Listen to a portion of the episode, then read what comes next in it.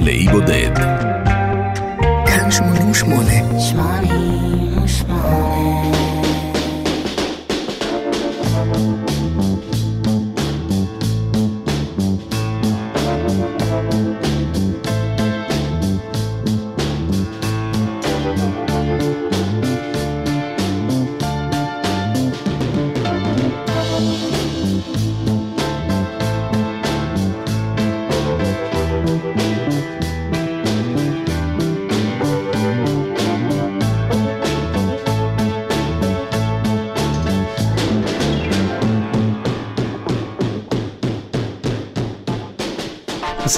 חוזר על עצמו כמעט תמיד. זמר, זמרת, גיטריסט, יוצרים יצירה, זוכים להצלחה, נכנסים אל תוך מערכת מרושעת שכמעט אין ממנה מוצא. הכמעט אומר שבהרבה מאוד מקרים הם מתים צעירים, לפעמים בגיל 27, לפעמים קצת יותר. אלכוהול וסמים, בהרבה מקרים הרואין. אנחנו, בצד השני של המתרס, אלה ששומעים, רואים ונהנים מהמוזיקה, שומעים ומתפלאים, מצקצקים בלשוננו, אומרים, אוי, כמה חבל, הוא היה כזה מוכשר, הוא מת צעיר. אנחנו לא מבינים, והאמת היא שקשה להבין איך זה קורה ולמה זה קורה. מה הם מחפשים שם במרחב אדי האלכוהול והסמים? בשביל מה זה טוב? זה עוזר אולי בשלב היצירה, אבל ההתמכרות סופה הידרדרות, ובמקרה הכי גרוע מוות. הסיפור הזה, בווריאציה כזו או אחרת, חוזר על עצמו גם הפעם. הגיבור, במרכאות, הוא ליין סטיילי, הסולן של אליס אין צ'יינס. הוא מת ב-2002 בגיל 34. בתחילת שנות ה-90 הוא נרשם כמה פעמים לתוכניות גמילה מסמים, אבל הוא לא הצליח להישאר נקי לאורך זמן. בשלב מסוים, שאר חברי להקתו טסו ללוס אנג'לס להיות לצידו במהלך טיפול במכון גמילה. במהלך סיור הופעות שבא בעקבות האלבום השני שלהם, Dirt, המנהלת של הלהקה שכרה שומרי ראש כדי שיחצצו בינו לבין ספקי הסמים. בהיעדר סמים, במצב הזה, הוא שם את עינו בכוס ועבר לאלכוהול, וגם הסמים הגיעו אליו בדרך לא דרך. מותו של קורט קוביין באפריל 1994 הפחיד את סטיילי ודחף אותו להתפכחות זמנית, אבל עד מהרה הוא חזר לסורו. בגלל המצב הלא יציב הזה, המנהלים של אליס אין צ'יינס דחו אפשרויות לסיורי הופעות והרחיקו את הלהקה מהדרכים, בתקווה שזה יעזור לסטיילי להיגמל. בסוף אוקטובר 1996, ארוסתו לשעבר של סטיילי מתה ממנת יתר של סמים. מותה בלא עת השפיעה עליו קשה. הוא נקלע לדיכאון עמוק, ויש אומרים שמעולם לא התאושש מזה. לא אייפה כאן את המציאות, זו נקודת היציאה שלנו להפליג לאי בודד עם אליס אין צ'יינס, והאלבום השני שלה, Dirt. אני מנחם גרנית, בואו נצא לדרך.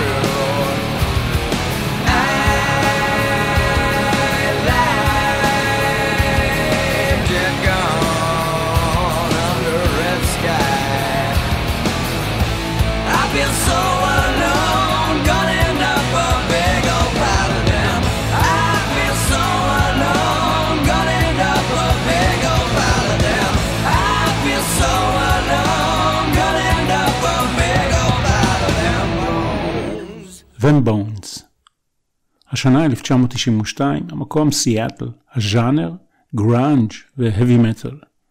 אליס אין צ'יינס פעלה לצידם של נירוונה, פרל ג'ם וסאונד גארדן.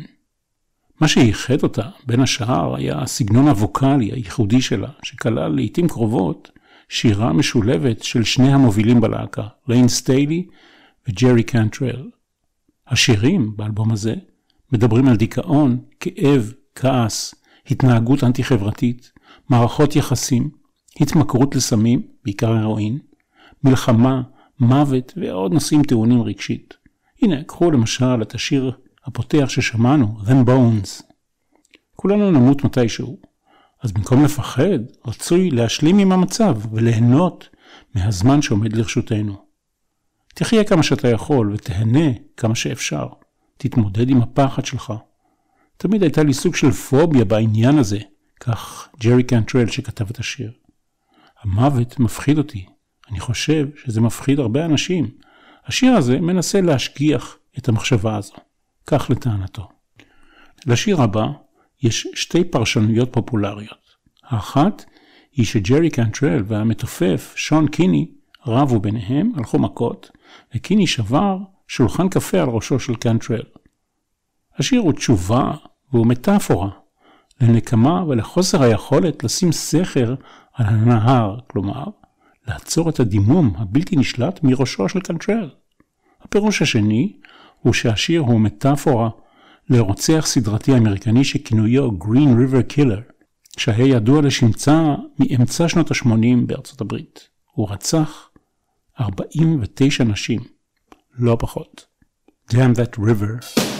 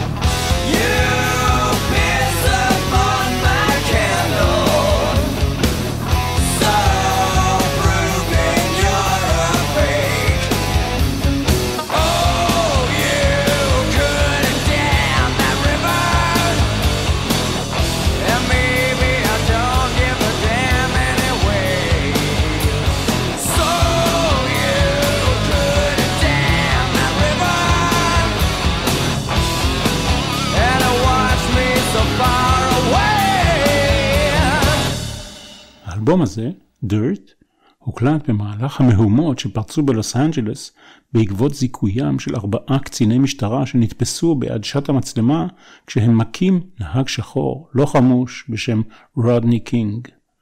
המהומות החלו ביום הראשון של ההקלטה. הלהקה צפתה בטלוויזיה כאשר הוכרז פסק הדין בגין התקרית הזו. ג'רי קנטרל היה בחנות וקנה בירה כשאדם נכנס והחל לבזוז את החנות כחלק מהמהומות. קנטרל גם נתקע בפקק וראה כיצד אנשים עוצרים מכוניות בדרך, שולפים את הנהגים מתוך מכוניותיהם ומכים אותם. חברי הלהקה ניסו להסתלק מהעיר מבלי להיפגע בזמן שברחובות לוס אנג'לס התחוללה מהומה רבתי. כל זאת כמובן במחאה נגד האלימות המשטרתית. חברי אליס אין צ'יינס צירפו אליהם את הסולן של להקת סלייר ונסעו לגן הלאומי ג'ושua טרי שבדרום קליפורניה למשך כמה ימים עד שהעניינים נרגעו. ואז הם חזרו לאולפן והחלו להקליט את האלבום.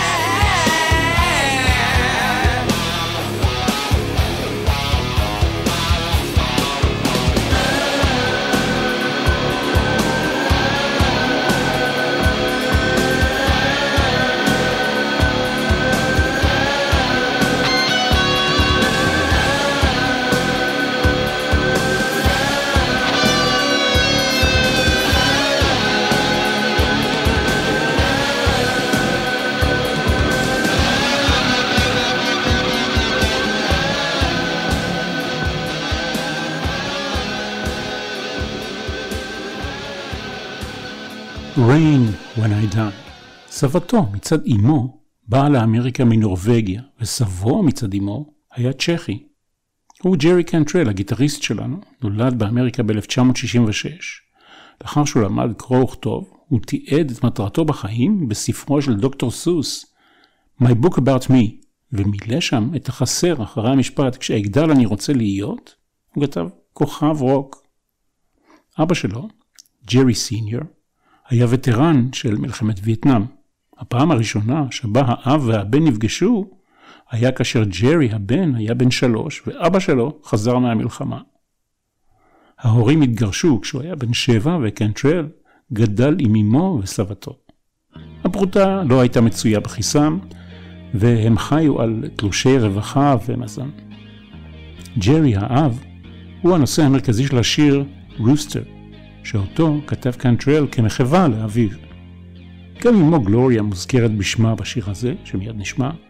האב והבן הופיעו יחד בקליפ של Rooster, שבו נזכר ג'רי האב במלחמה, מלחמת וייטנאם.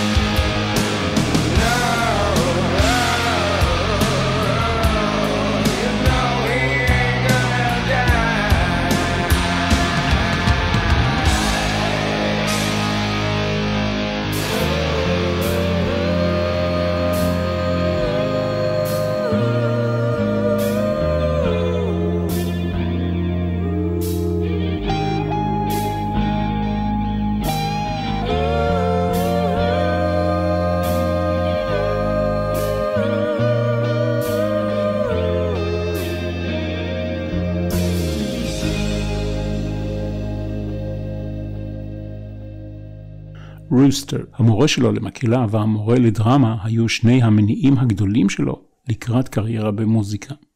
כאשר האלבום הראשון של אליס אין צ'יינס הגיע למעמד של אלבום זהב, קנטרל שלח לשני המורים האלה תקליט זהב כאות הוקרה. סבתו מצד אמו נפטרה מסרטן, ואמו, גם היא נפטרה מסרטן בגיל 43, זמן קצר אחר כך. ג'רי קנטרל היה בן 21, הוא נקלע לדיכאון והפך לאדם אחר לגמרי, לאחר שאיבד גם את אמו וגם את סבתו תוך פרק זמן קצר. ב-1988 הוא הלך להופעה של Guns N' Roses. לקח איתו קלטת עם הקלטות דמו של אליס אין צ'יינס ונתן אותו לאקסל רוז אחרי ההופעה. בעודו מתרחק, ראה ג'רי קנטרל כיצד אקסל רוז משליך את הקלטת מבלי להאזין לה. שנים מאוחר יותר גאנז אנד רוזס בחרו באליס אין צ'יינס להיות המופע הפותח של סיבוב ההופעות שלהם. ללמדך שאל תזלזל בכלום אף פעם. כמו בכל אלבום של heavy metal, גם כאן יש מה שנקרא power ballad. ג'רי קנטרל כתב אותו לחברתו דאז, קרטני קלארק. זו המציאות של חיי, הוא סיפר. הדרך שבחרתי, ובאופן מוזר, זה די ניבא את המקום שבו אנחנו נמצאים עכשיו. קשה לשנינו להבין שהחיים האלה אינם תורמים להצלחה רבה במערכת יחסים ארוכת טווח.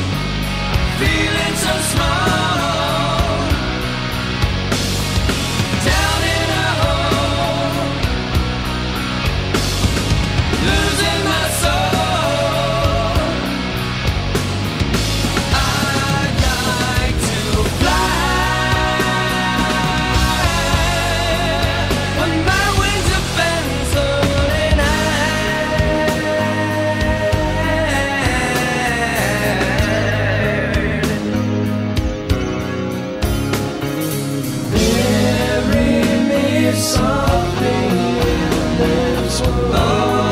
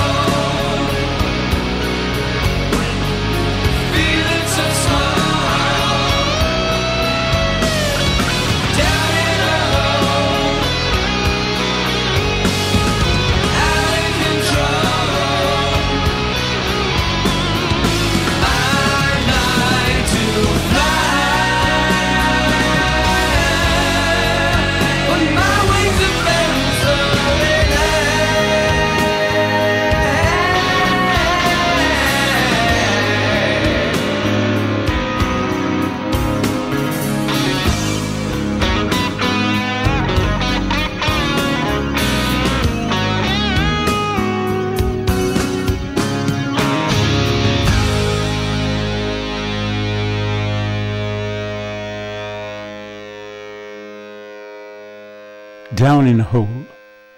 כפי שנרמז קודם, בעת הקלטת האלבום, ליין סטיילי וההתמכרות הם סיפור מתמשך. במהלך ההקלטה הוא סיים טיפול בהתמכרות, אבל חיש מהר חזר להשתמש בהרואין. הדבר הזה הוביל לסכסוכים עם המפיק דייב ג'רדן, שדרש מסטיילי חזור ודרוש להיות נקי בזמן ההקלטות. נקי, כלומר לא מסטול. הוא כעס עליי, סיפר המפיק, אבל אני מקבל כסף כדי להפיק אלבום, ולא כדי להיות חבר של ליין סטיילי.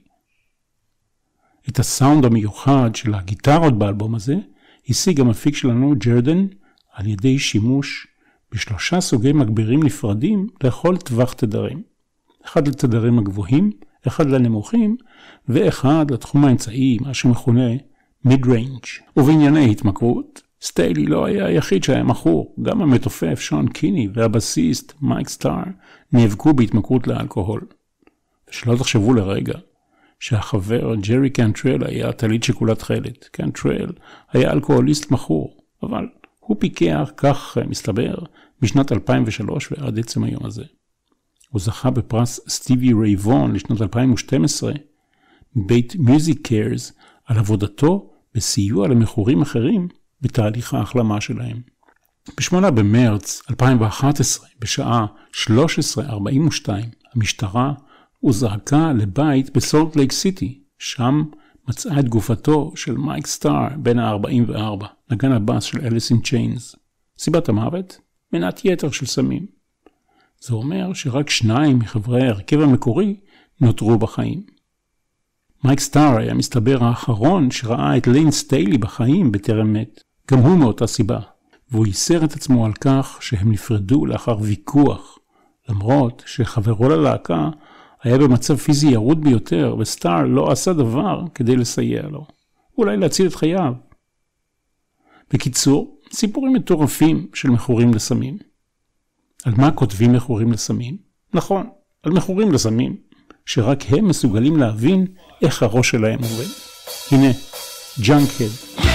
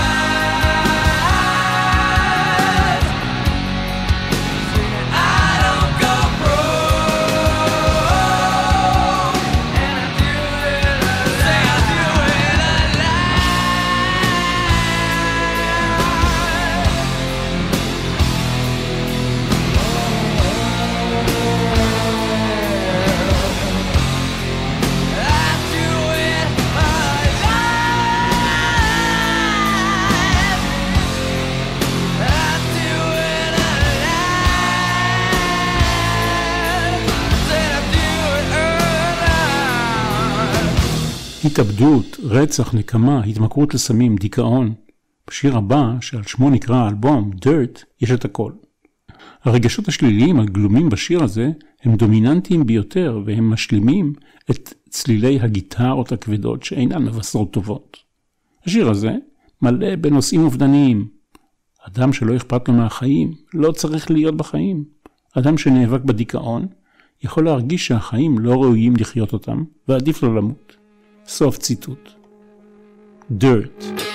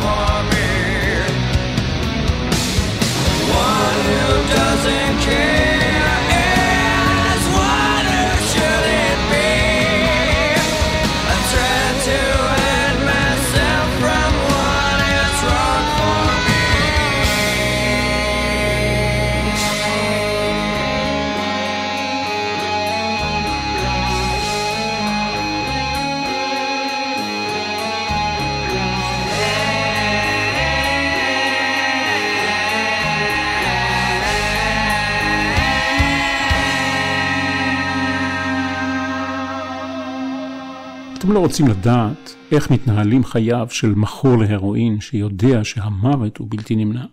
אם אתם כן רוצים, הכל מצוי בתוך השיר הבא. הוא עוסק בהתמכרות להרואין ובאפלה שהיא מביאה. תסמינים של מנת יתר של הרואין כוללים האטה בנשימה וירידה בקצב הלב, מה שמביא לאשליה שהאוויר סביבך הולך ואוזל. אחת מתופעות הלוואי של שימוש בהרואין הוא אובדן תיאבון, שעשוי להוביל לכאבי בטן. ליין סטיילי מודה כאן שהוא השלים עם גורלו, הן בטווח הקצר, שזה כאבי בטן, והן בטווח הארוך, כלומר מוות. המוטיב הזה, השלמה עם הגורל הטרגי, פרספקטיבה אפתית על המוות, היא המוטיב שחוזר על עצמו בכל פינה באלבום הזה. שלא לדבר על אלבומים מאוחרים יותר של אליס אין צ'יינס. יש כאן דוגמאות מוחשיות. צמד נרות אדומים שבעזרתם סטיילי מחמם את ההרואין על כפית. יש גם ענן ורוד שהוא סמל לא מוחשי לכך שהחיים יפים ואסור לוותר עליהם, אבל בשיר הזה הענן הוורוד הופך אפור, והגיבור במרכאות, שכולנו יודעים מי הוא, שוקע בדיכאון. בואו נדלג ברשותכם על תיאורים פלסטיים נוספים, וגם על ציטוט והתייחסות לסרט The Shining של סטנלי קיובריק. אני מקווה ומאמין שעניות דעתי הלא קובעת מבצבצת פה מתוך התיאור לשיר Angry Chair.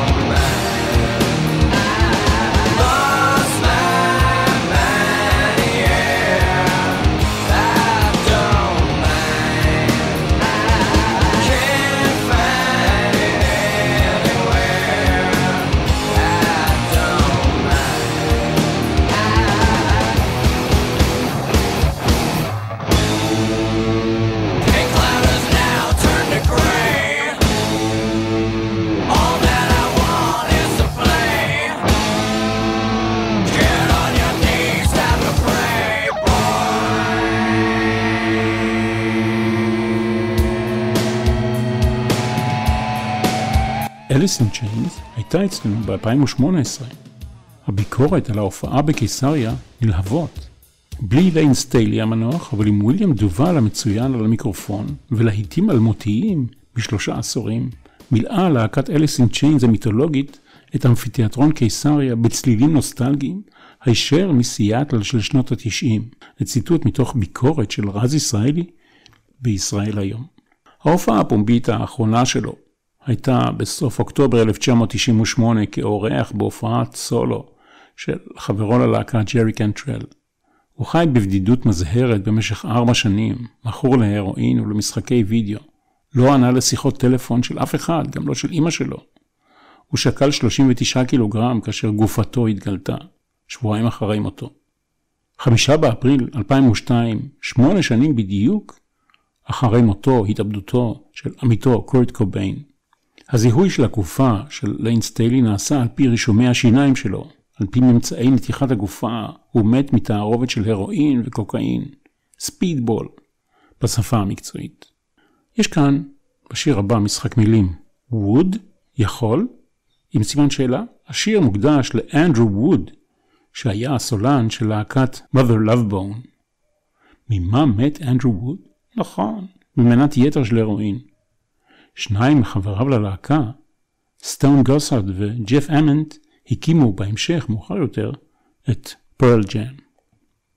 ג'רי קנטרל כתב אה, את השיר, הוא שר את הבתים, וליין סטיילי את הפזמון. השיר הזה הופיע בפסקול הסרט סינגלס מ-1992, שבו תרבות הגראנג' משמשת מצע לקומדיה אמריקאית בבימויו של קמרון קרו. עד כאן אלבום להיפודד עם אליס אין צ'יינס שמכרה 30 מיליון אלבומים בכל העולם, 14 מיליון מתוכם בארצות הברית לבדה. האלבום המצליח ביותר הוא Dirt, שהוא האלבום האחרון שבו נטלו חלק ארבעת החברים מההרכב המקורי של הלהקה. אני מנחם גרני, תהיו טובים.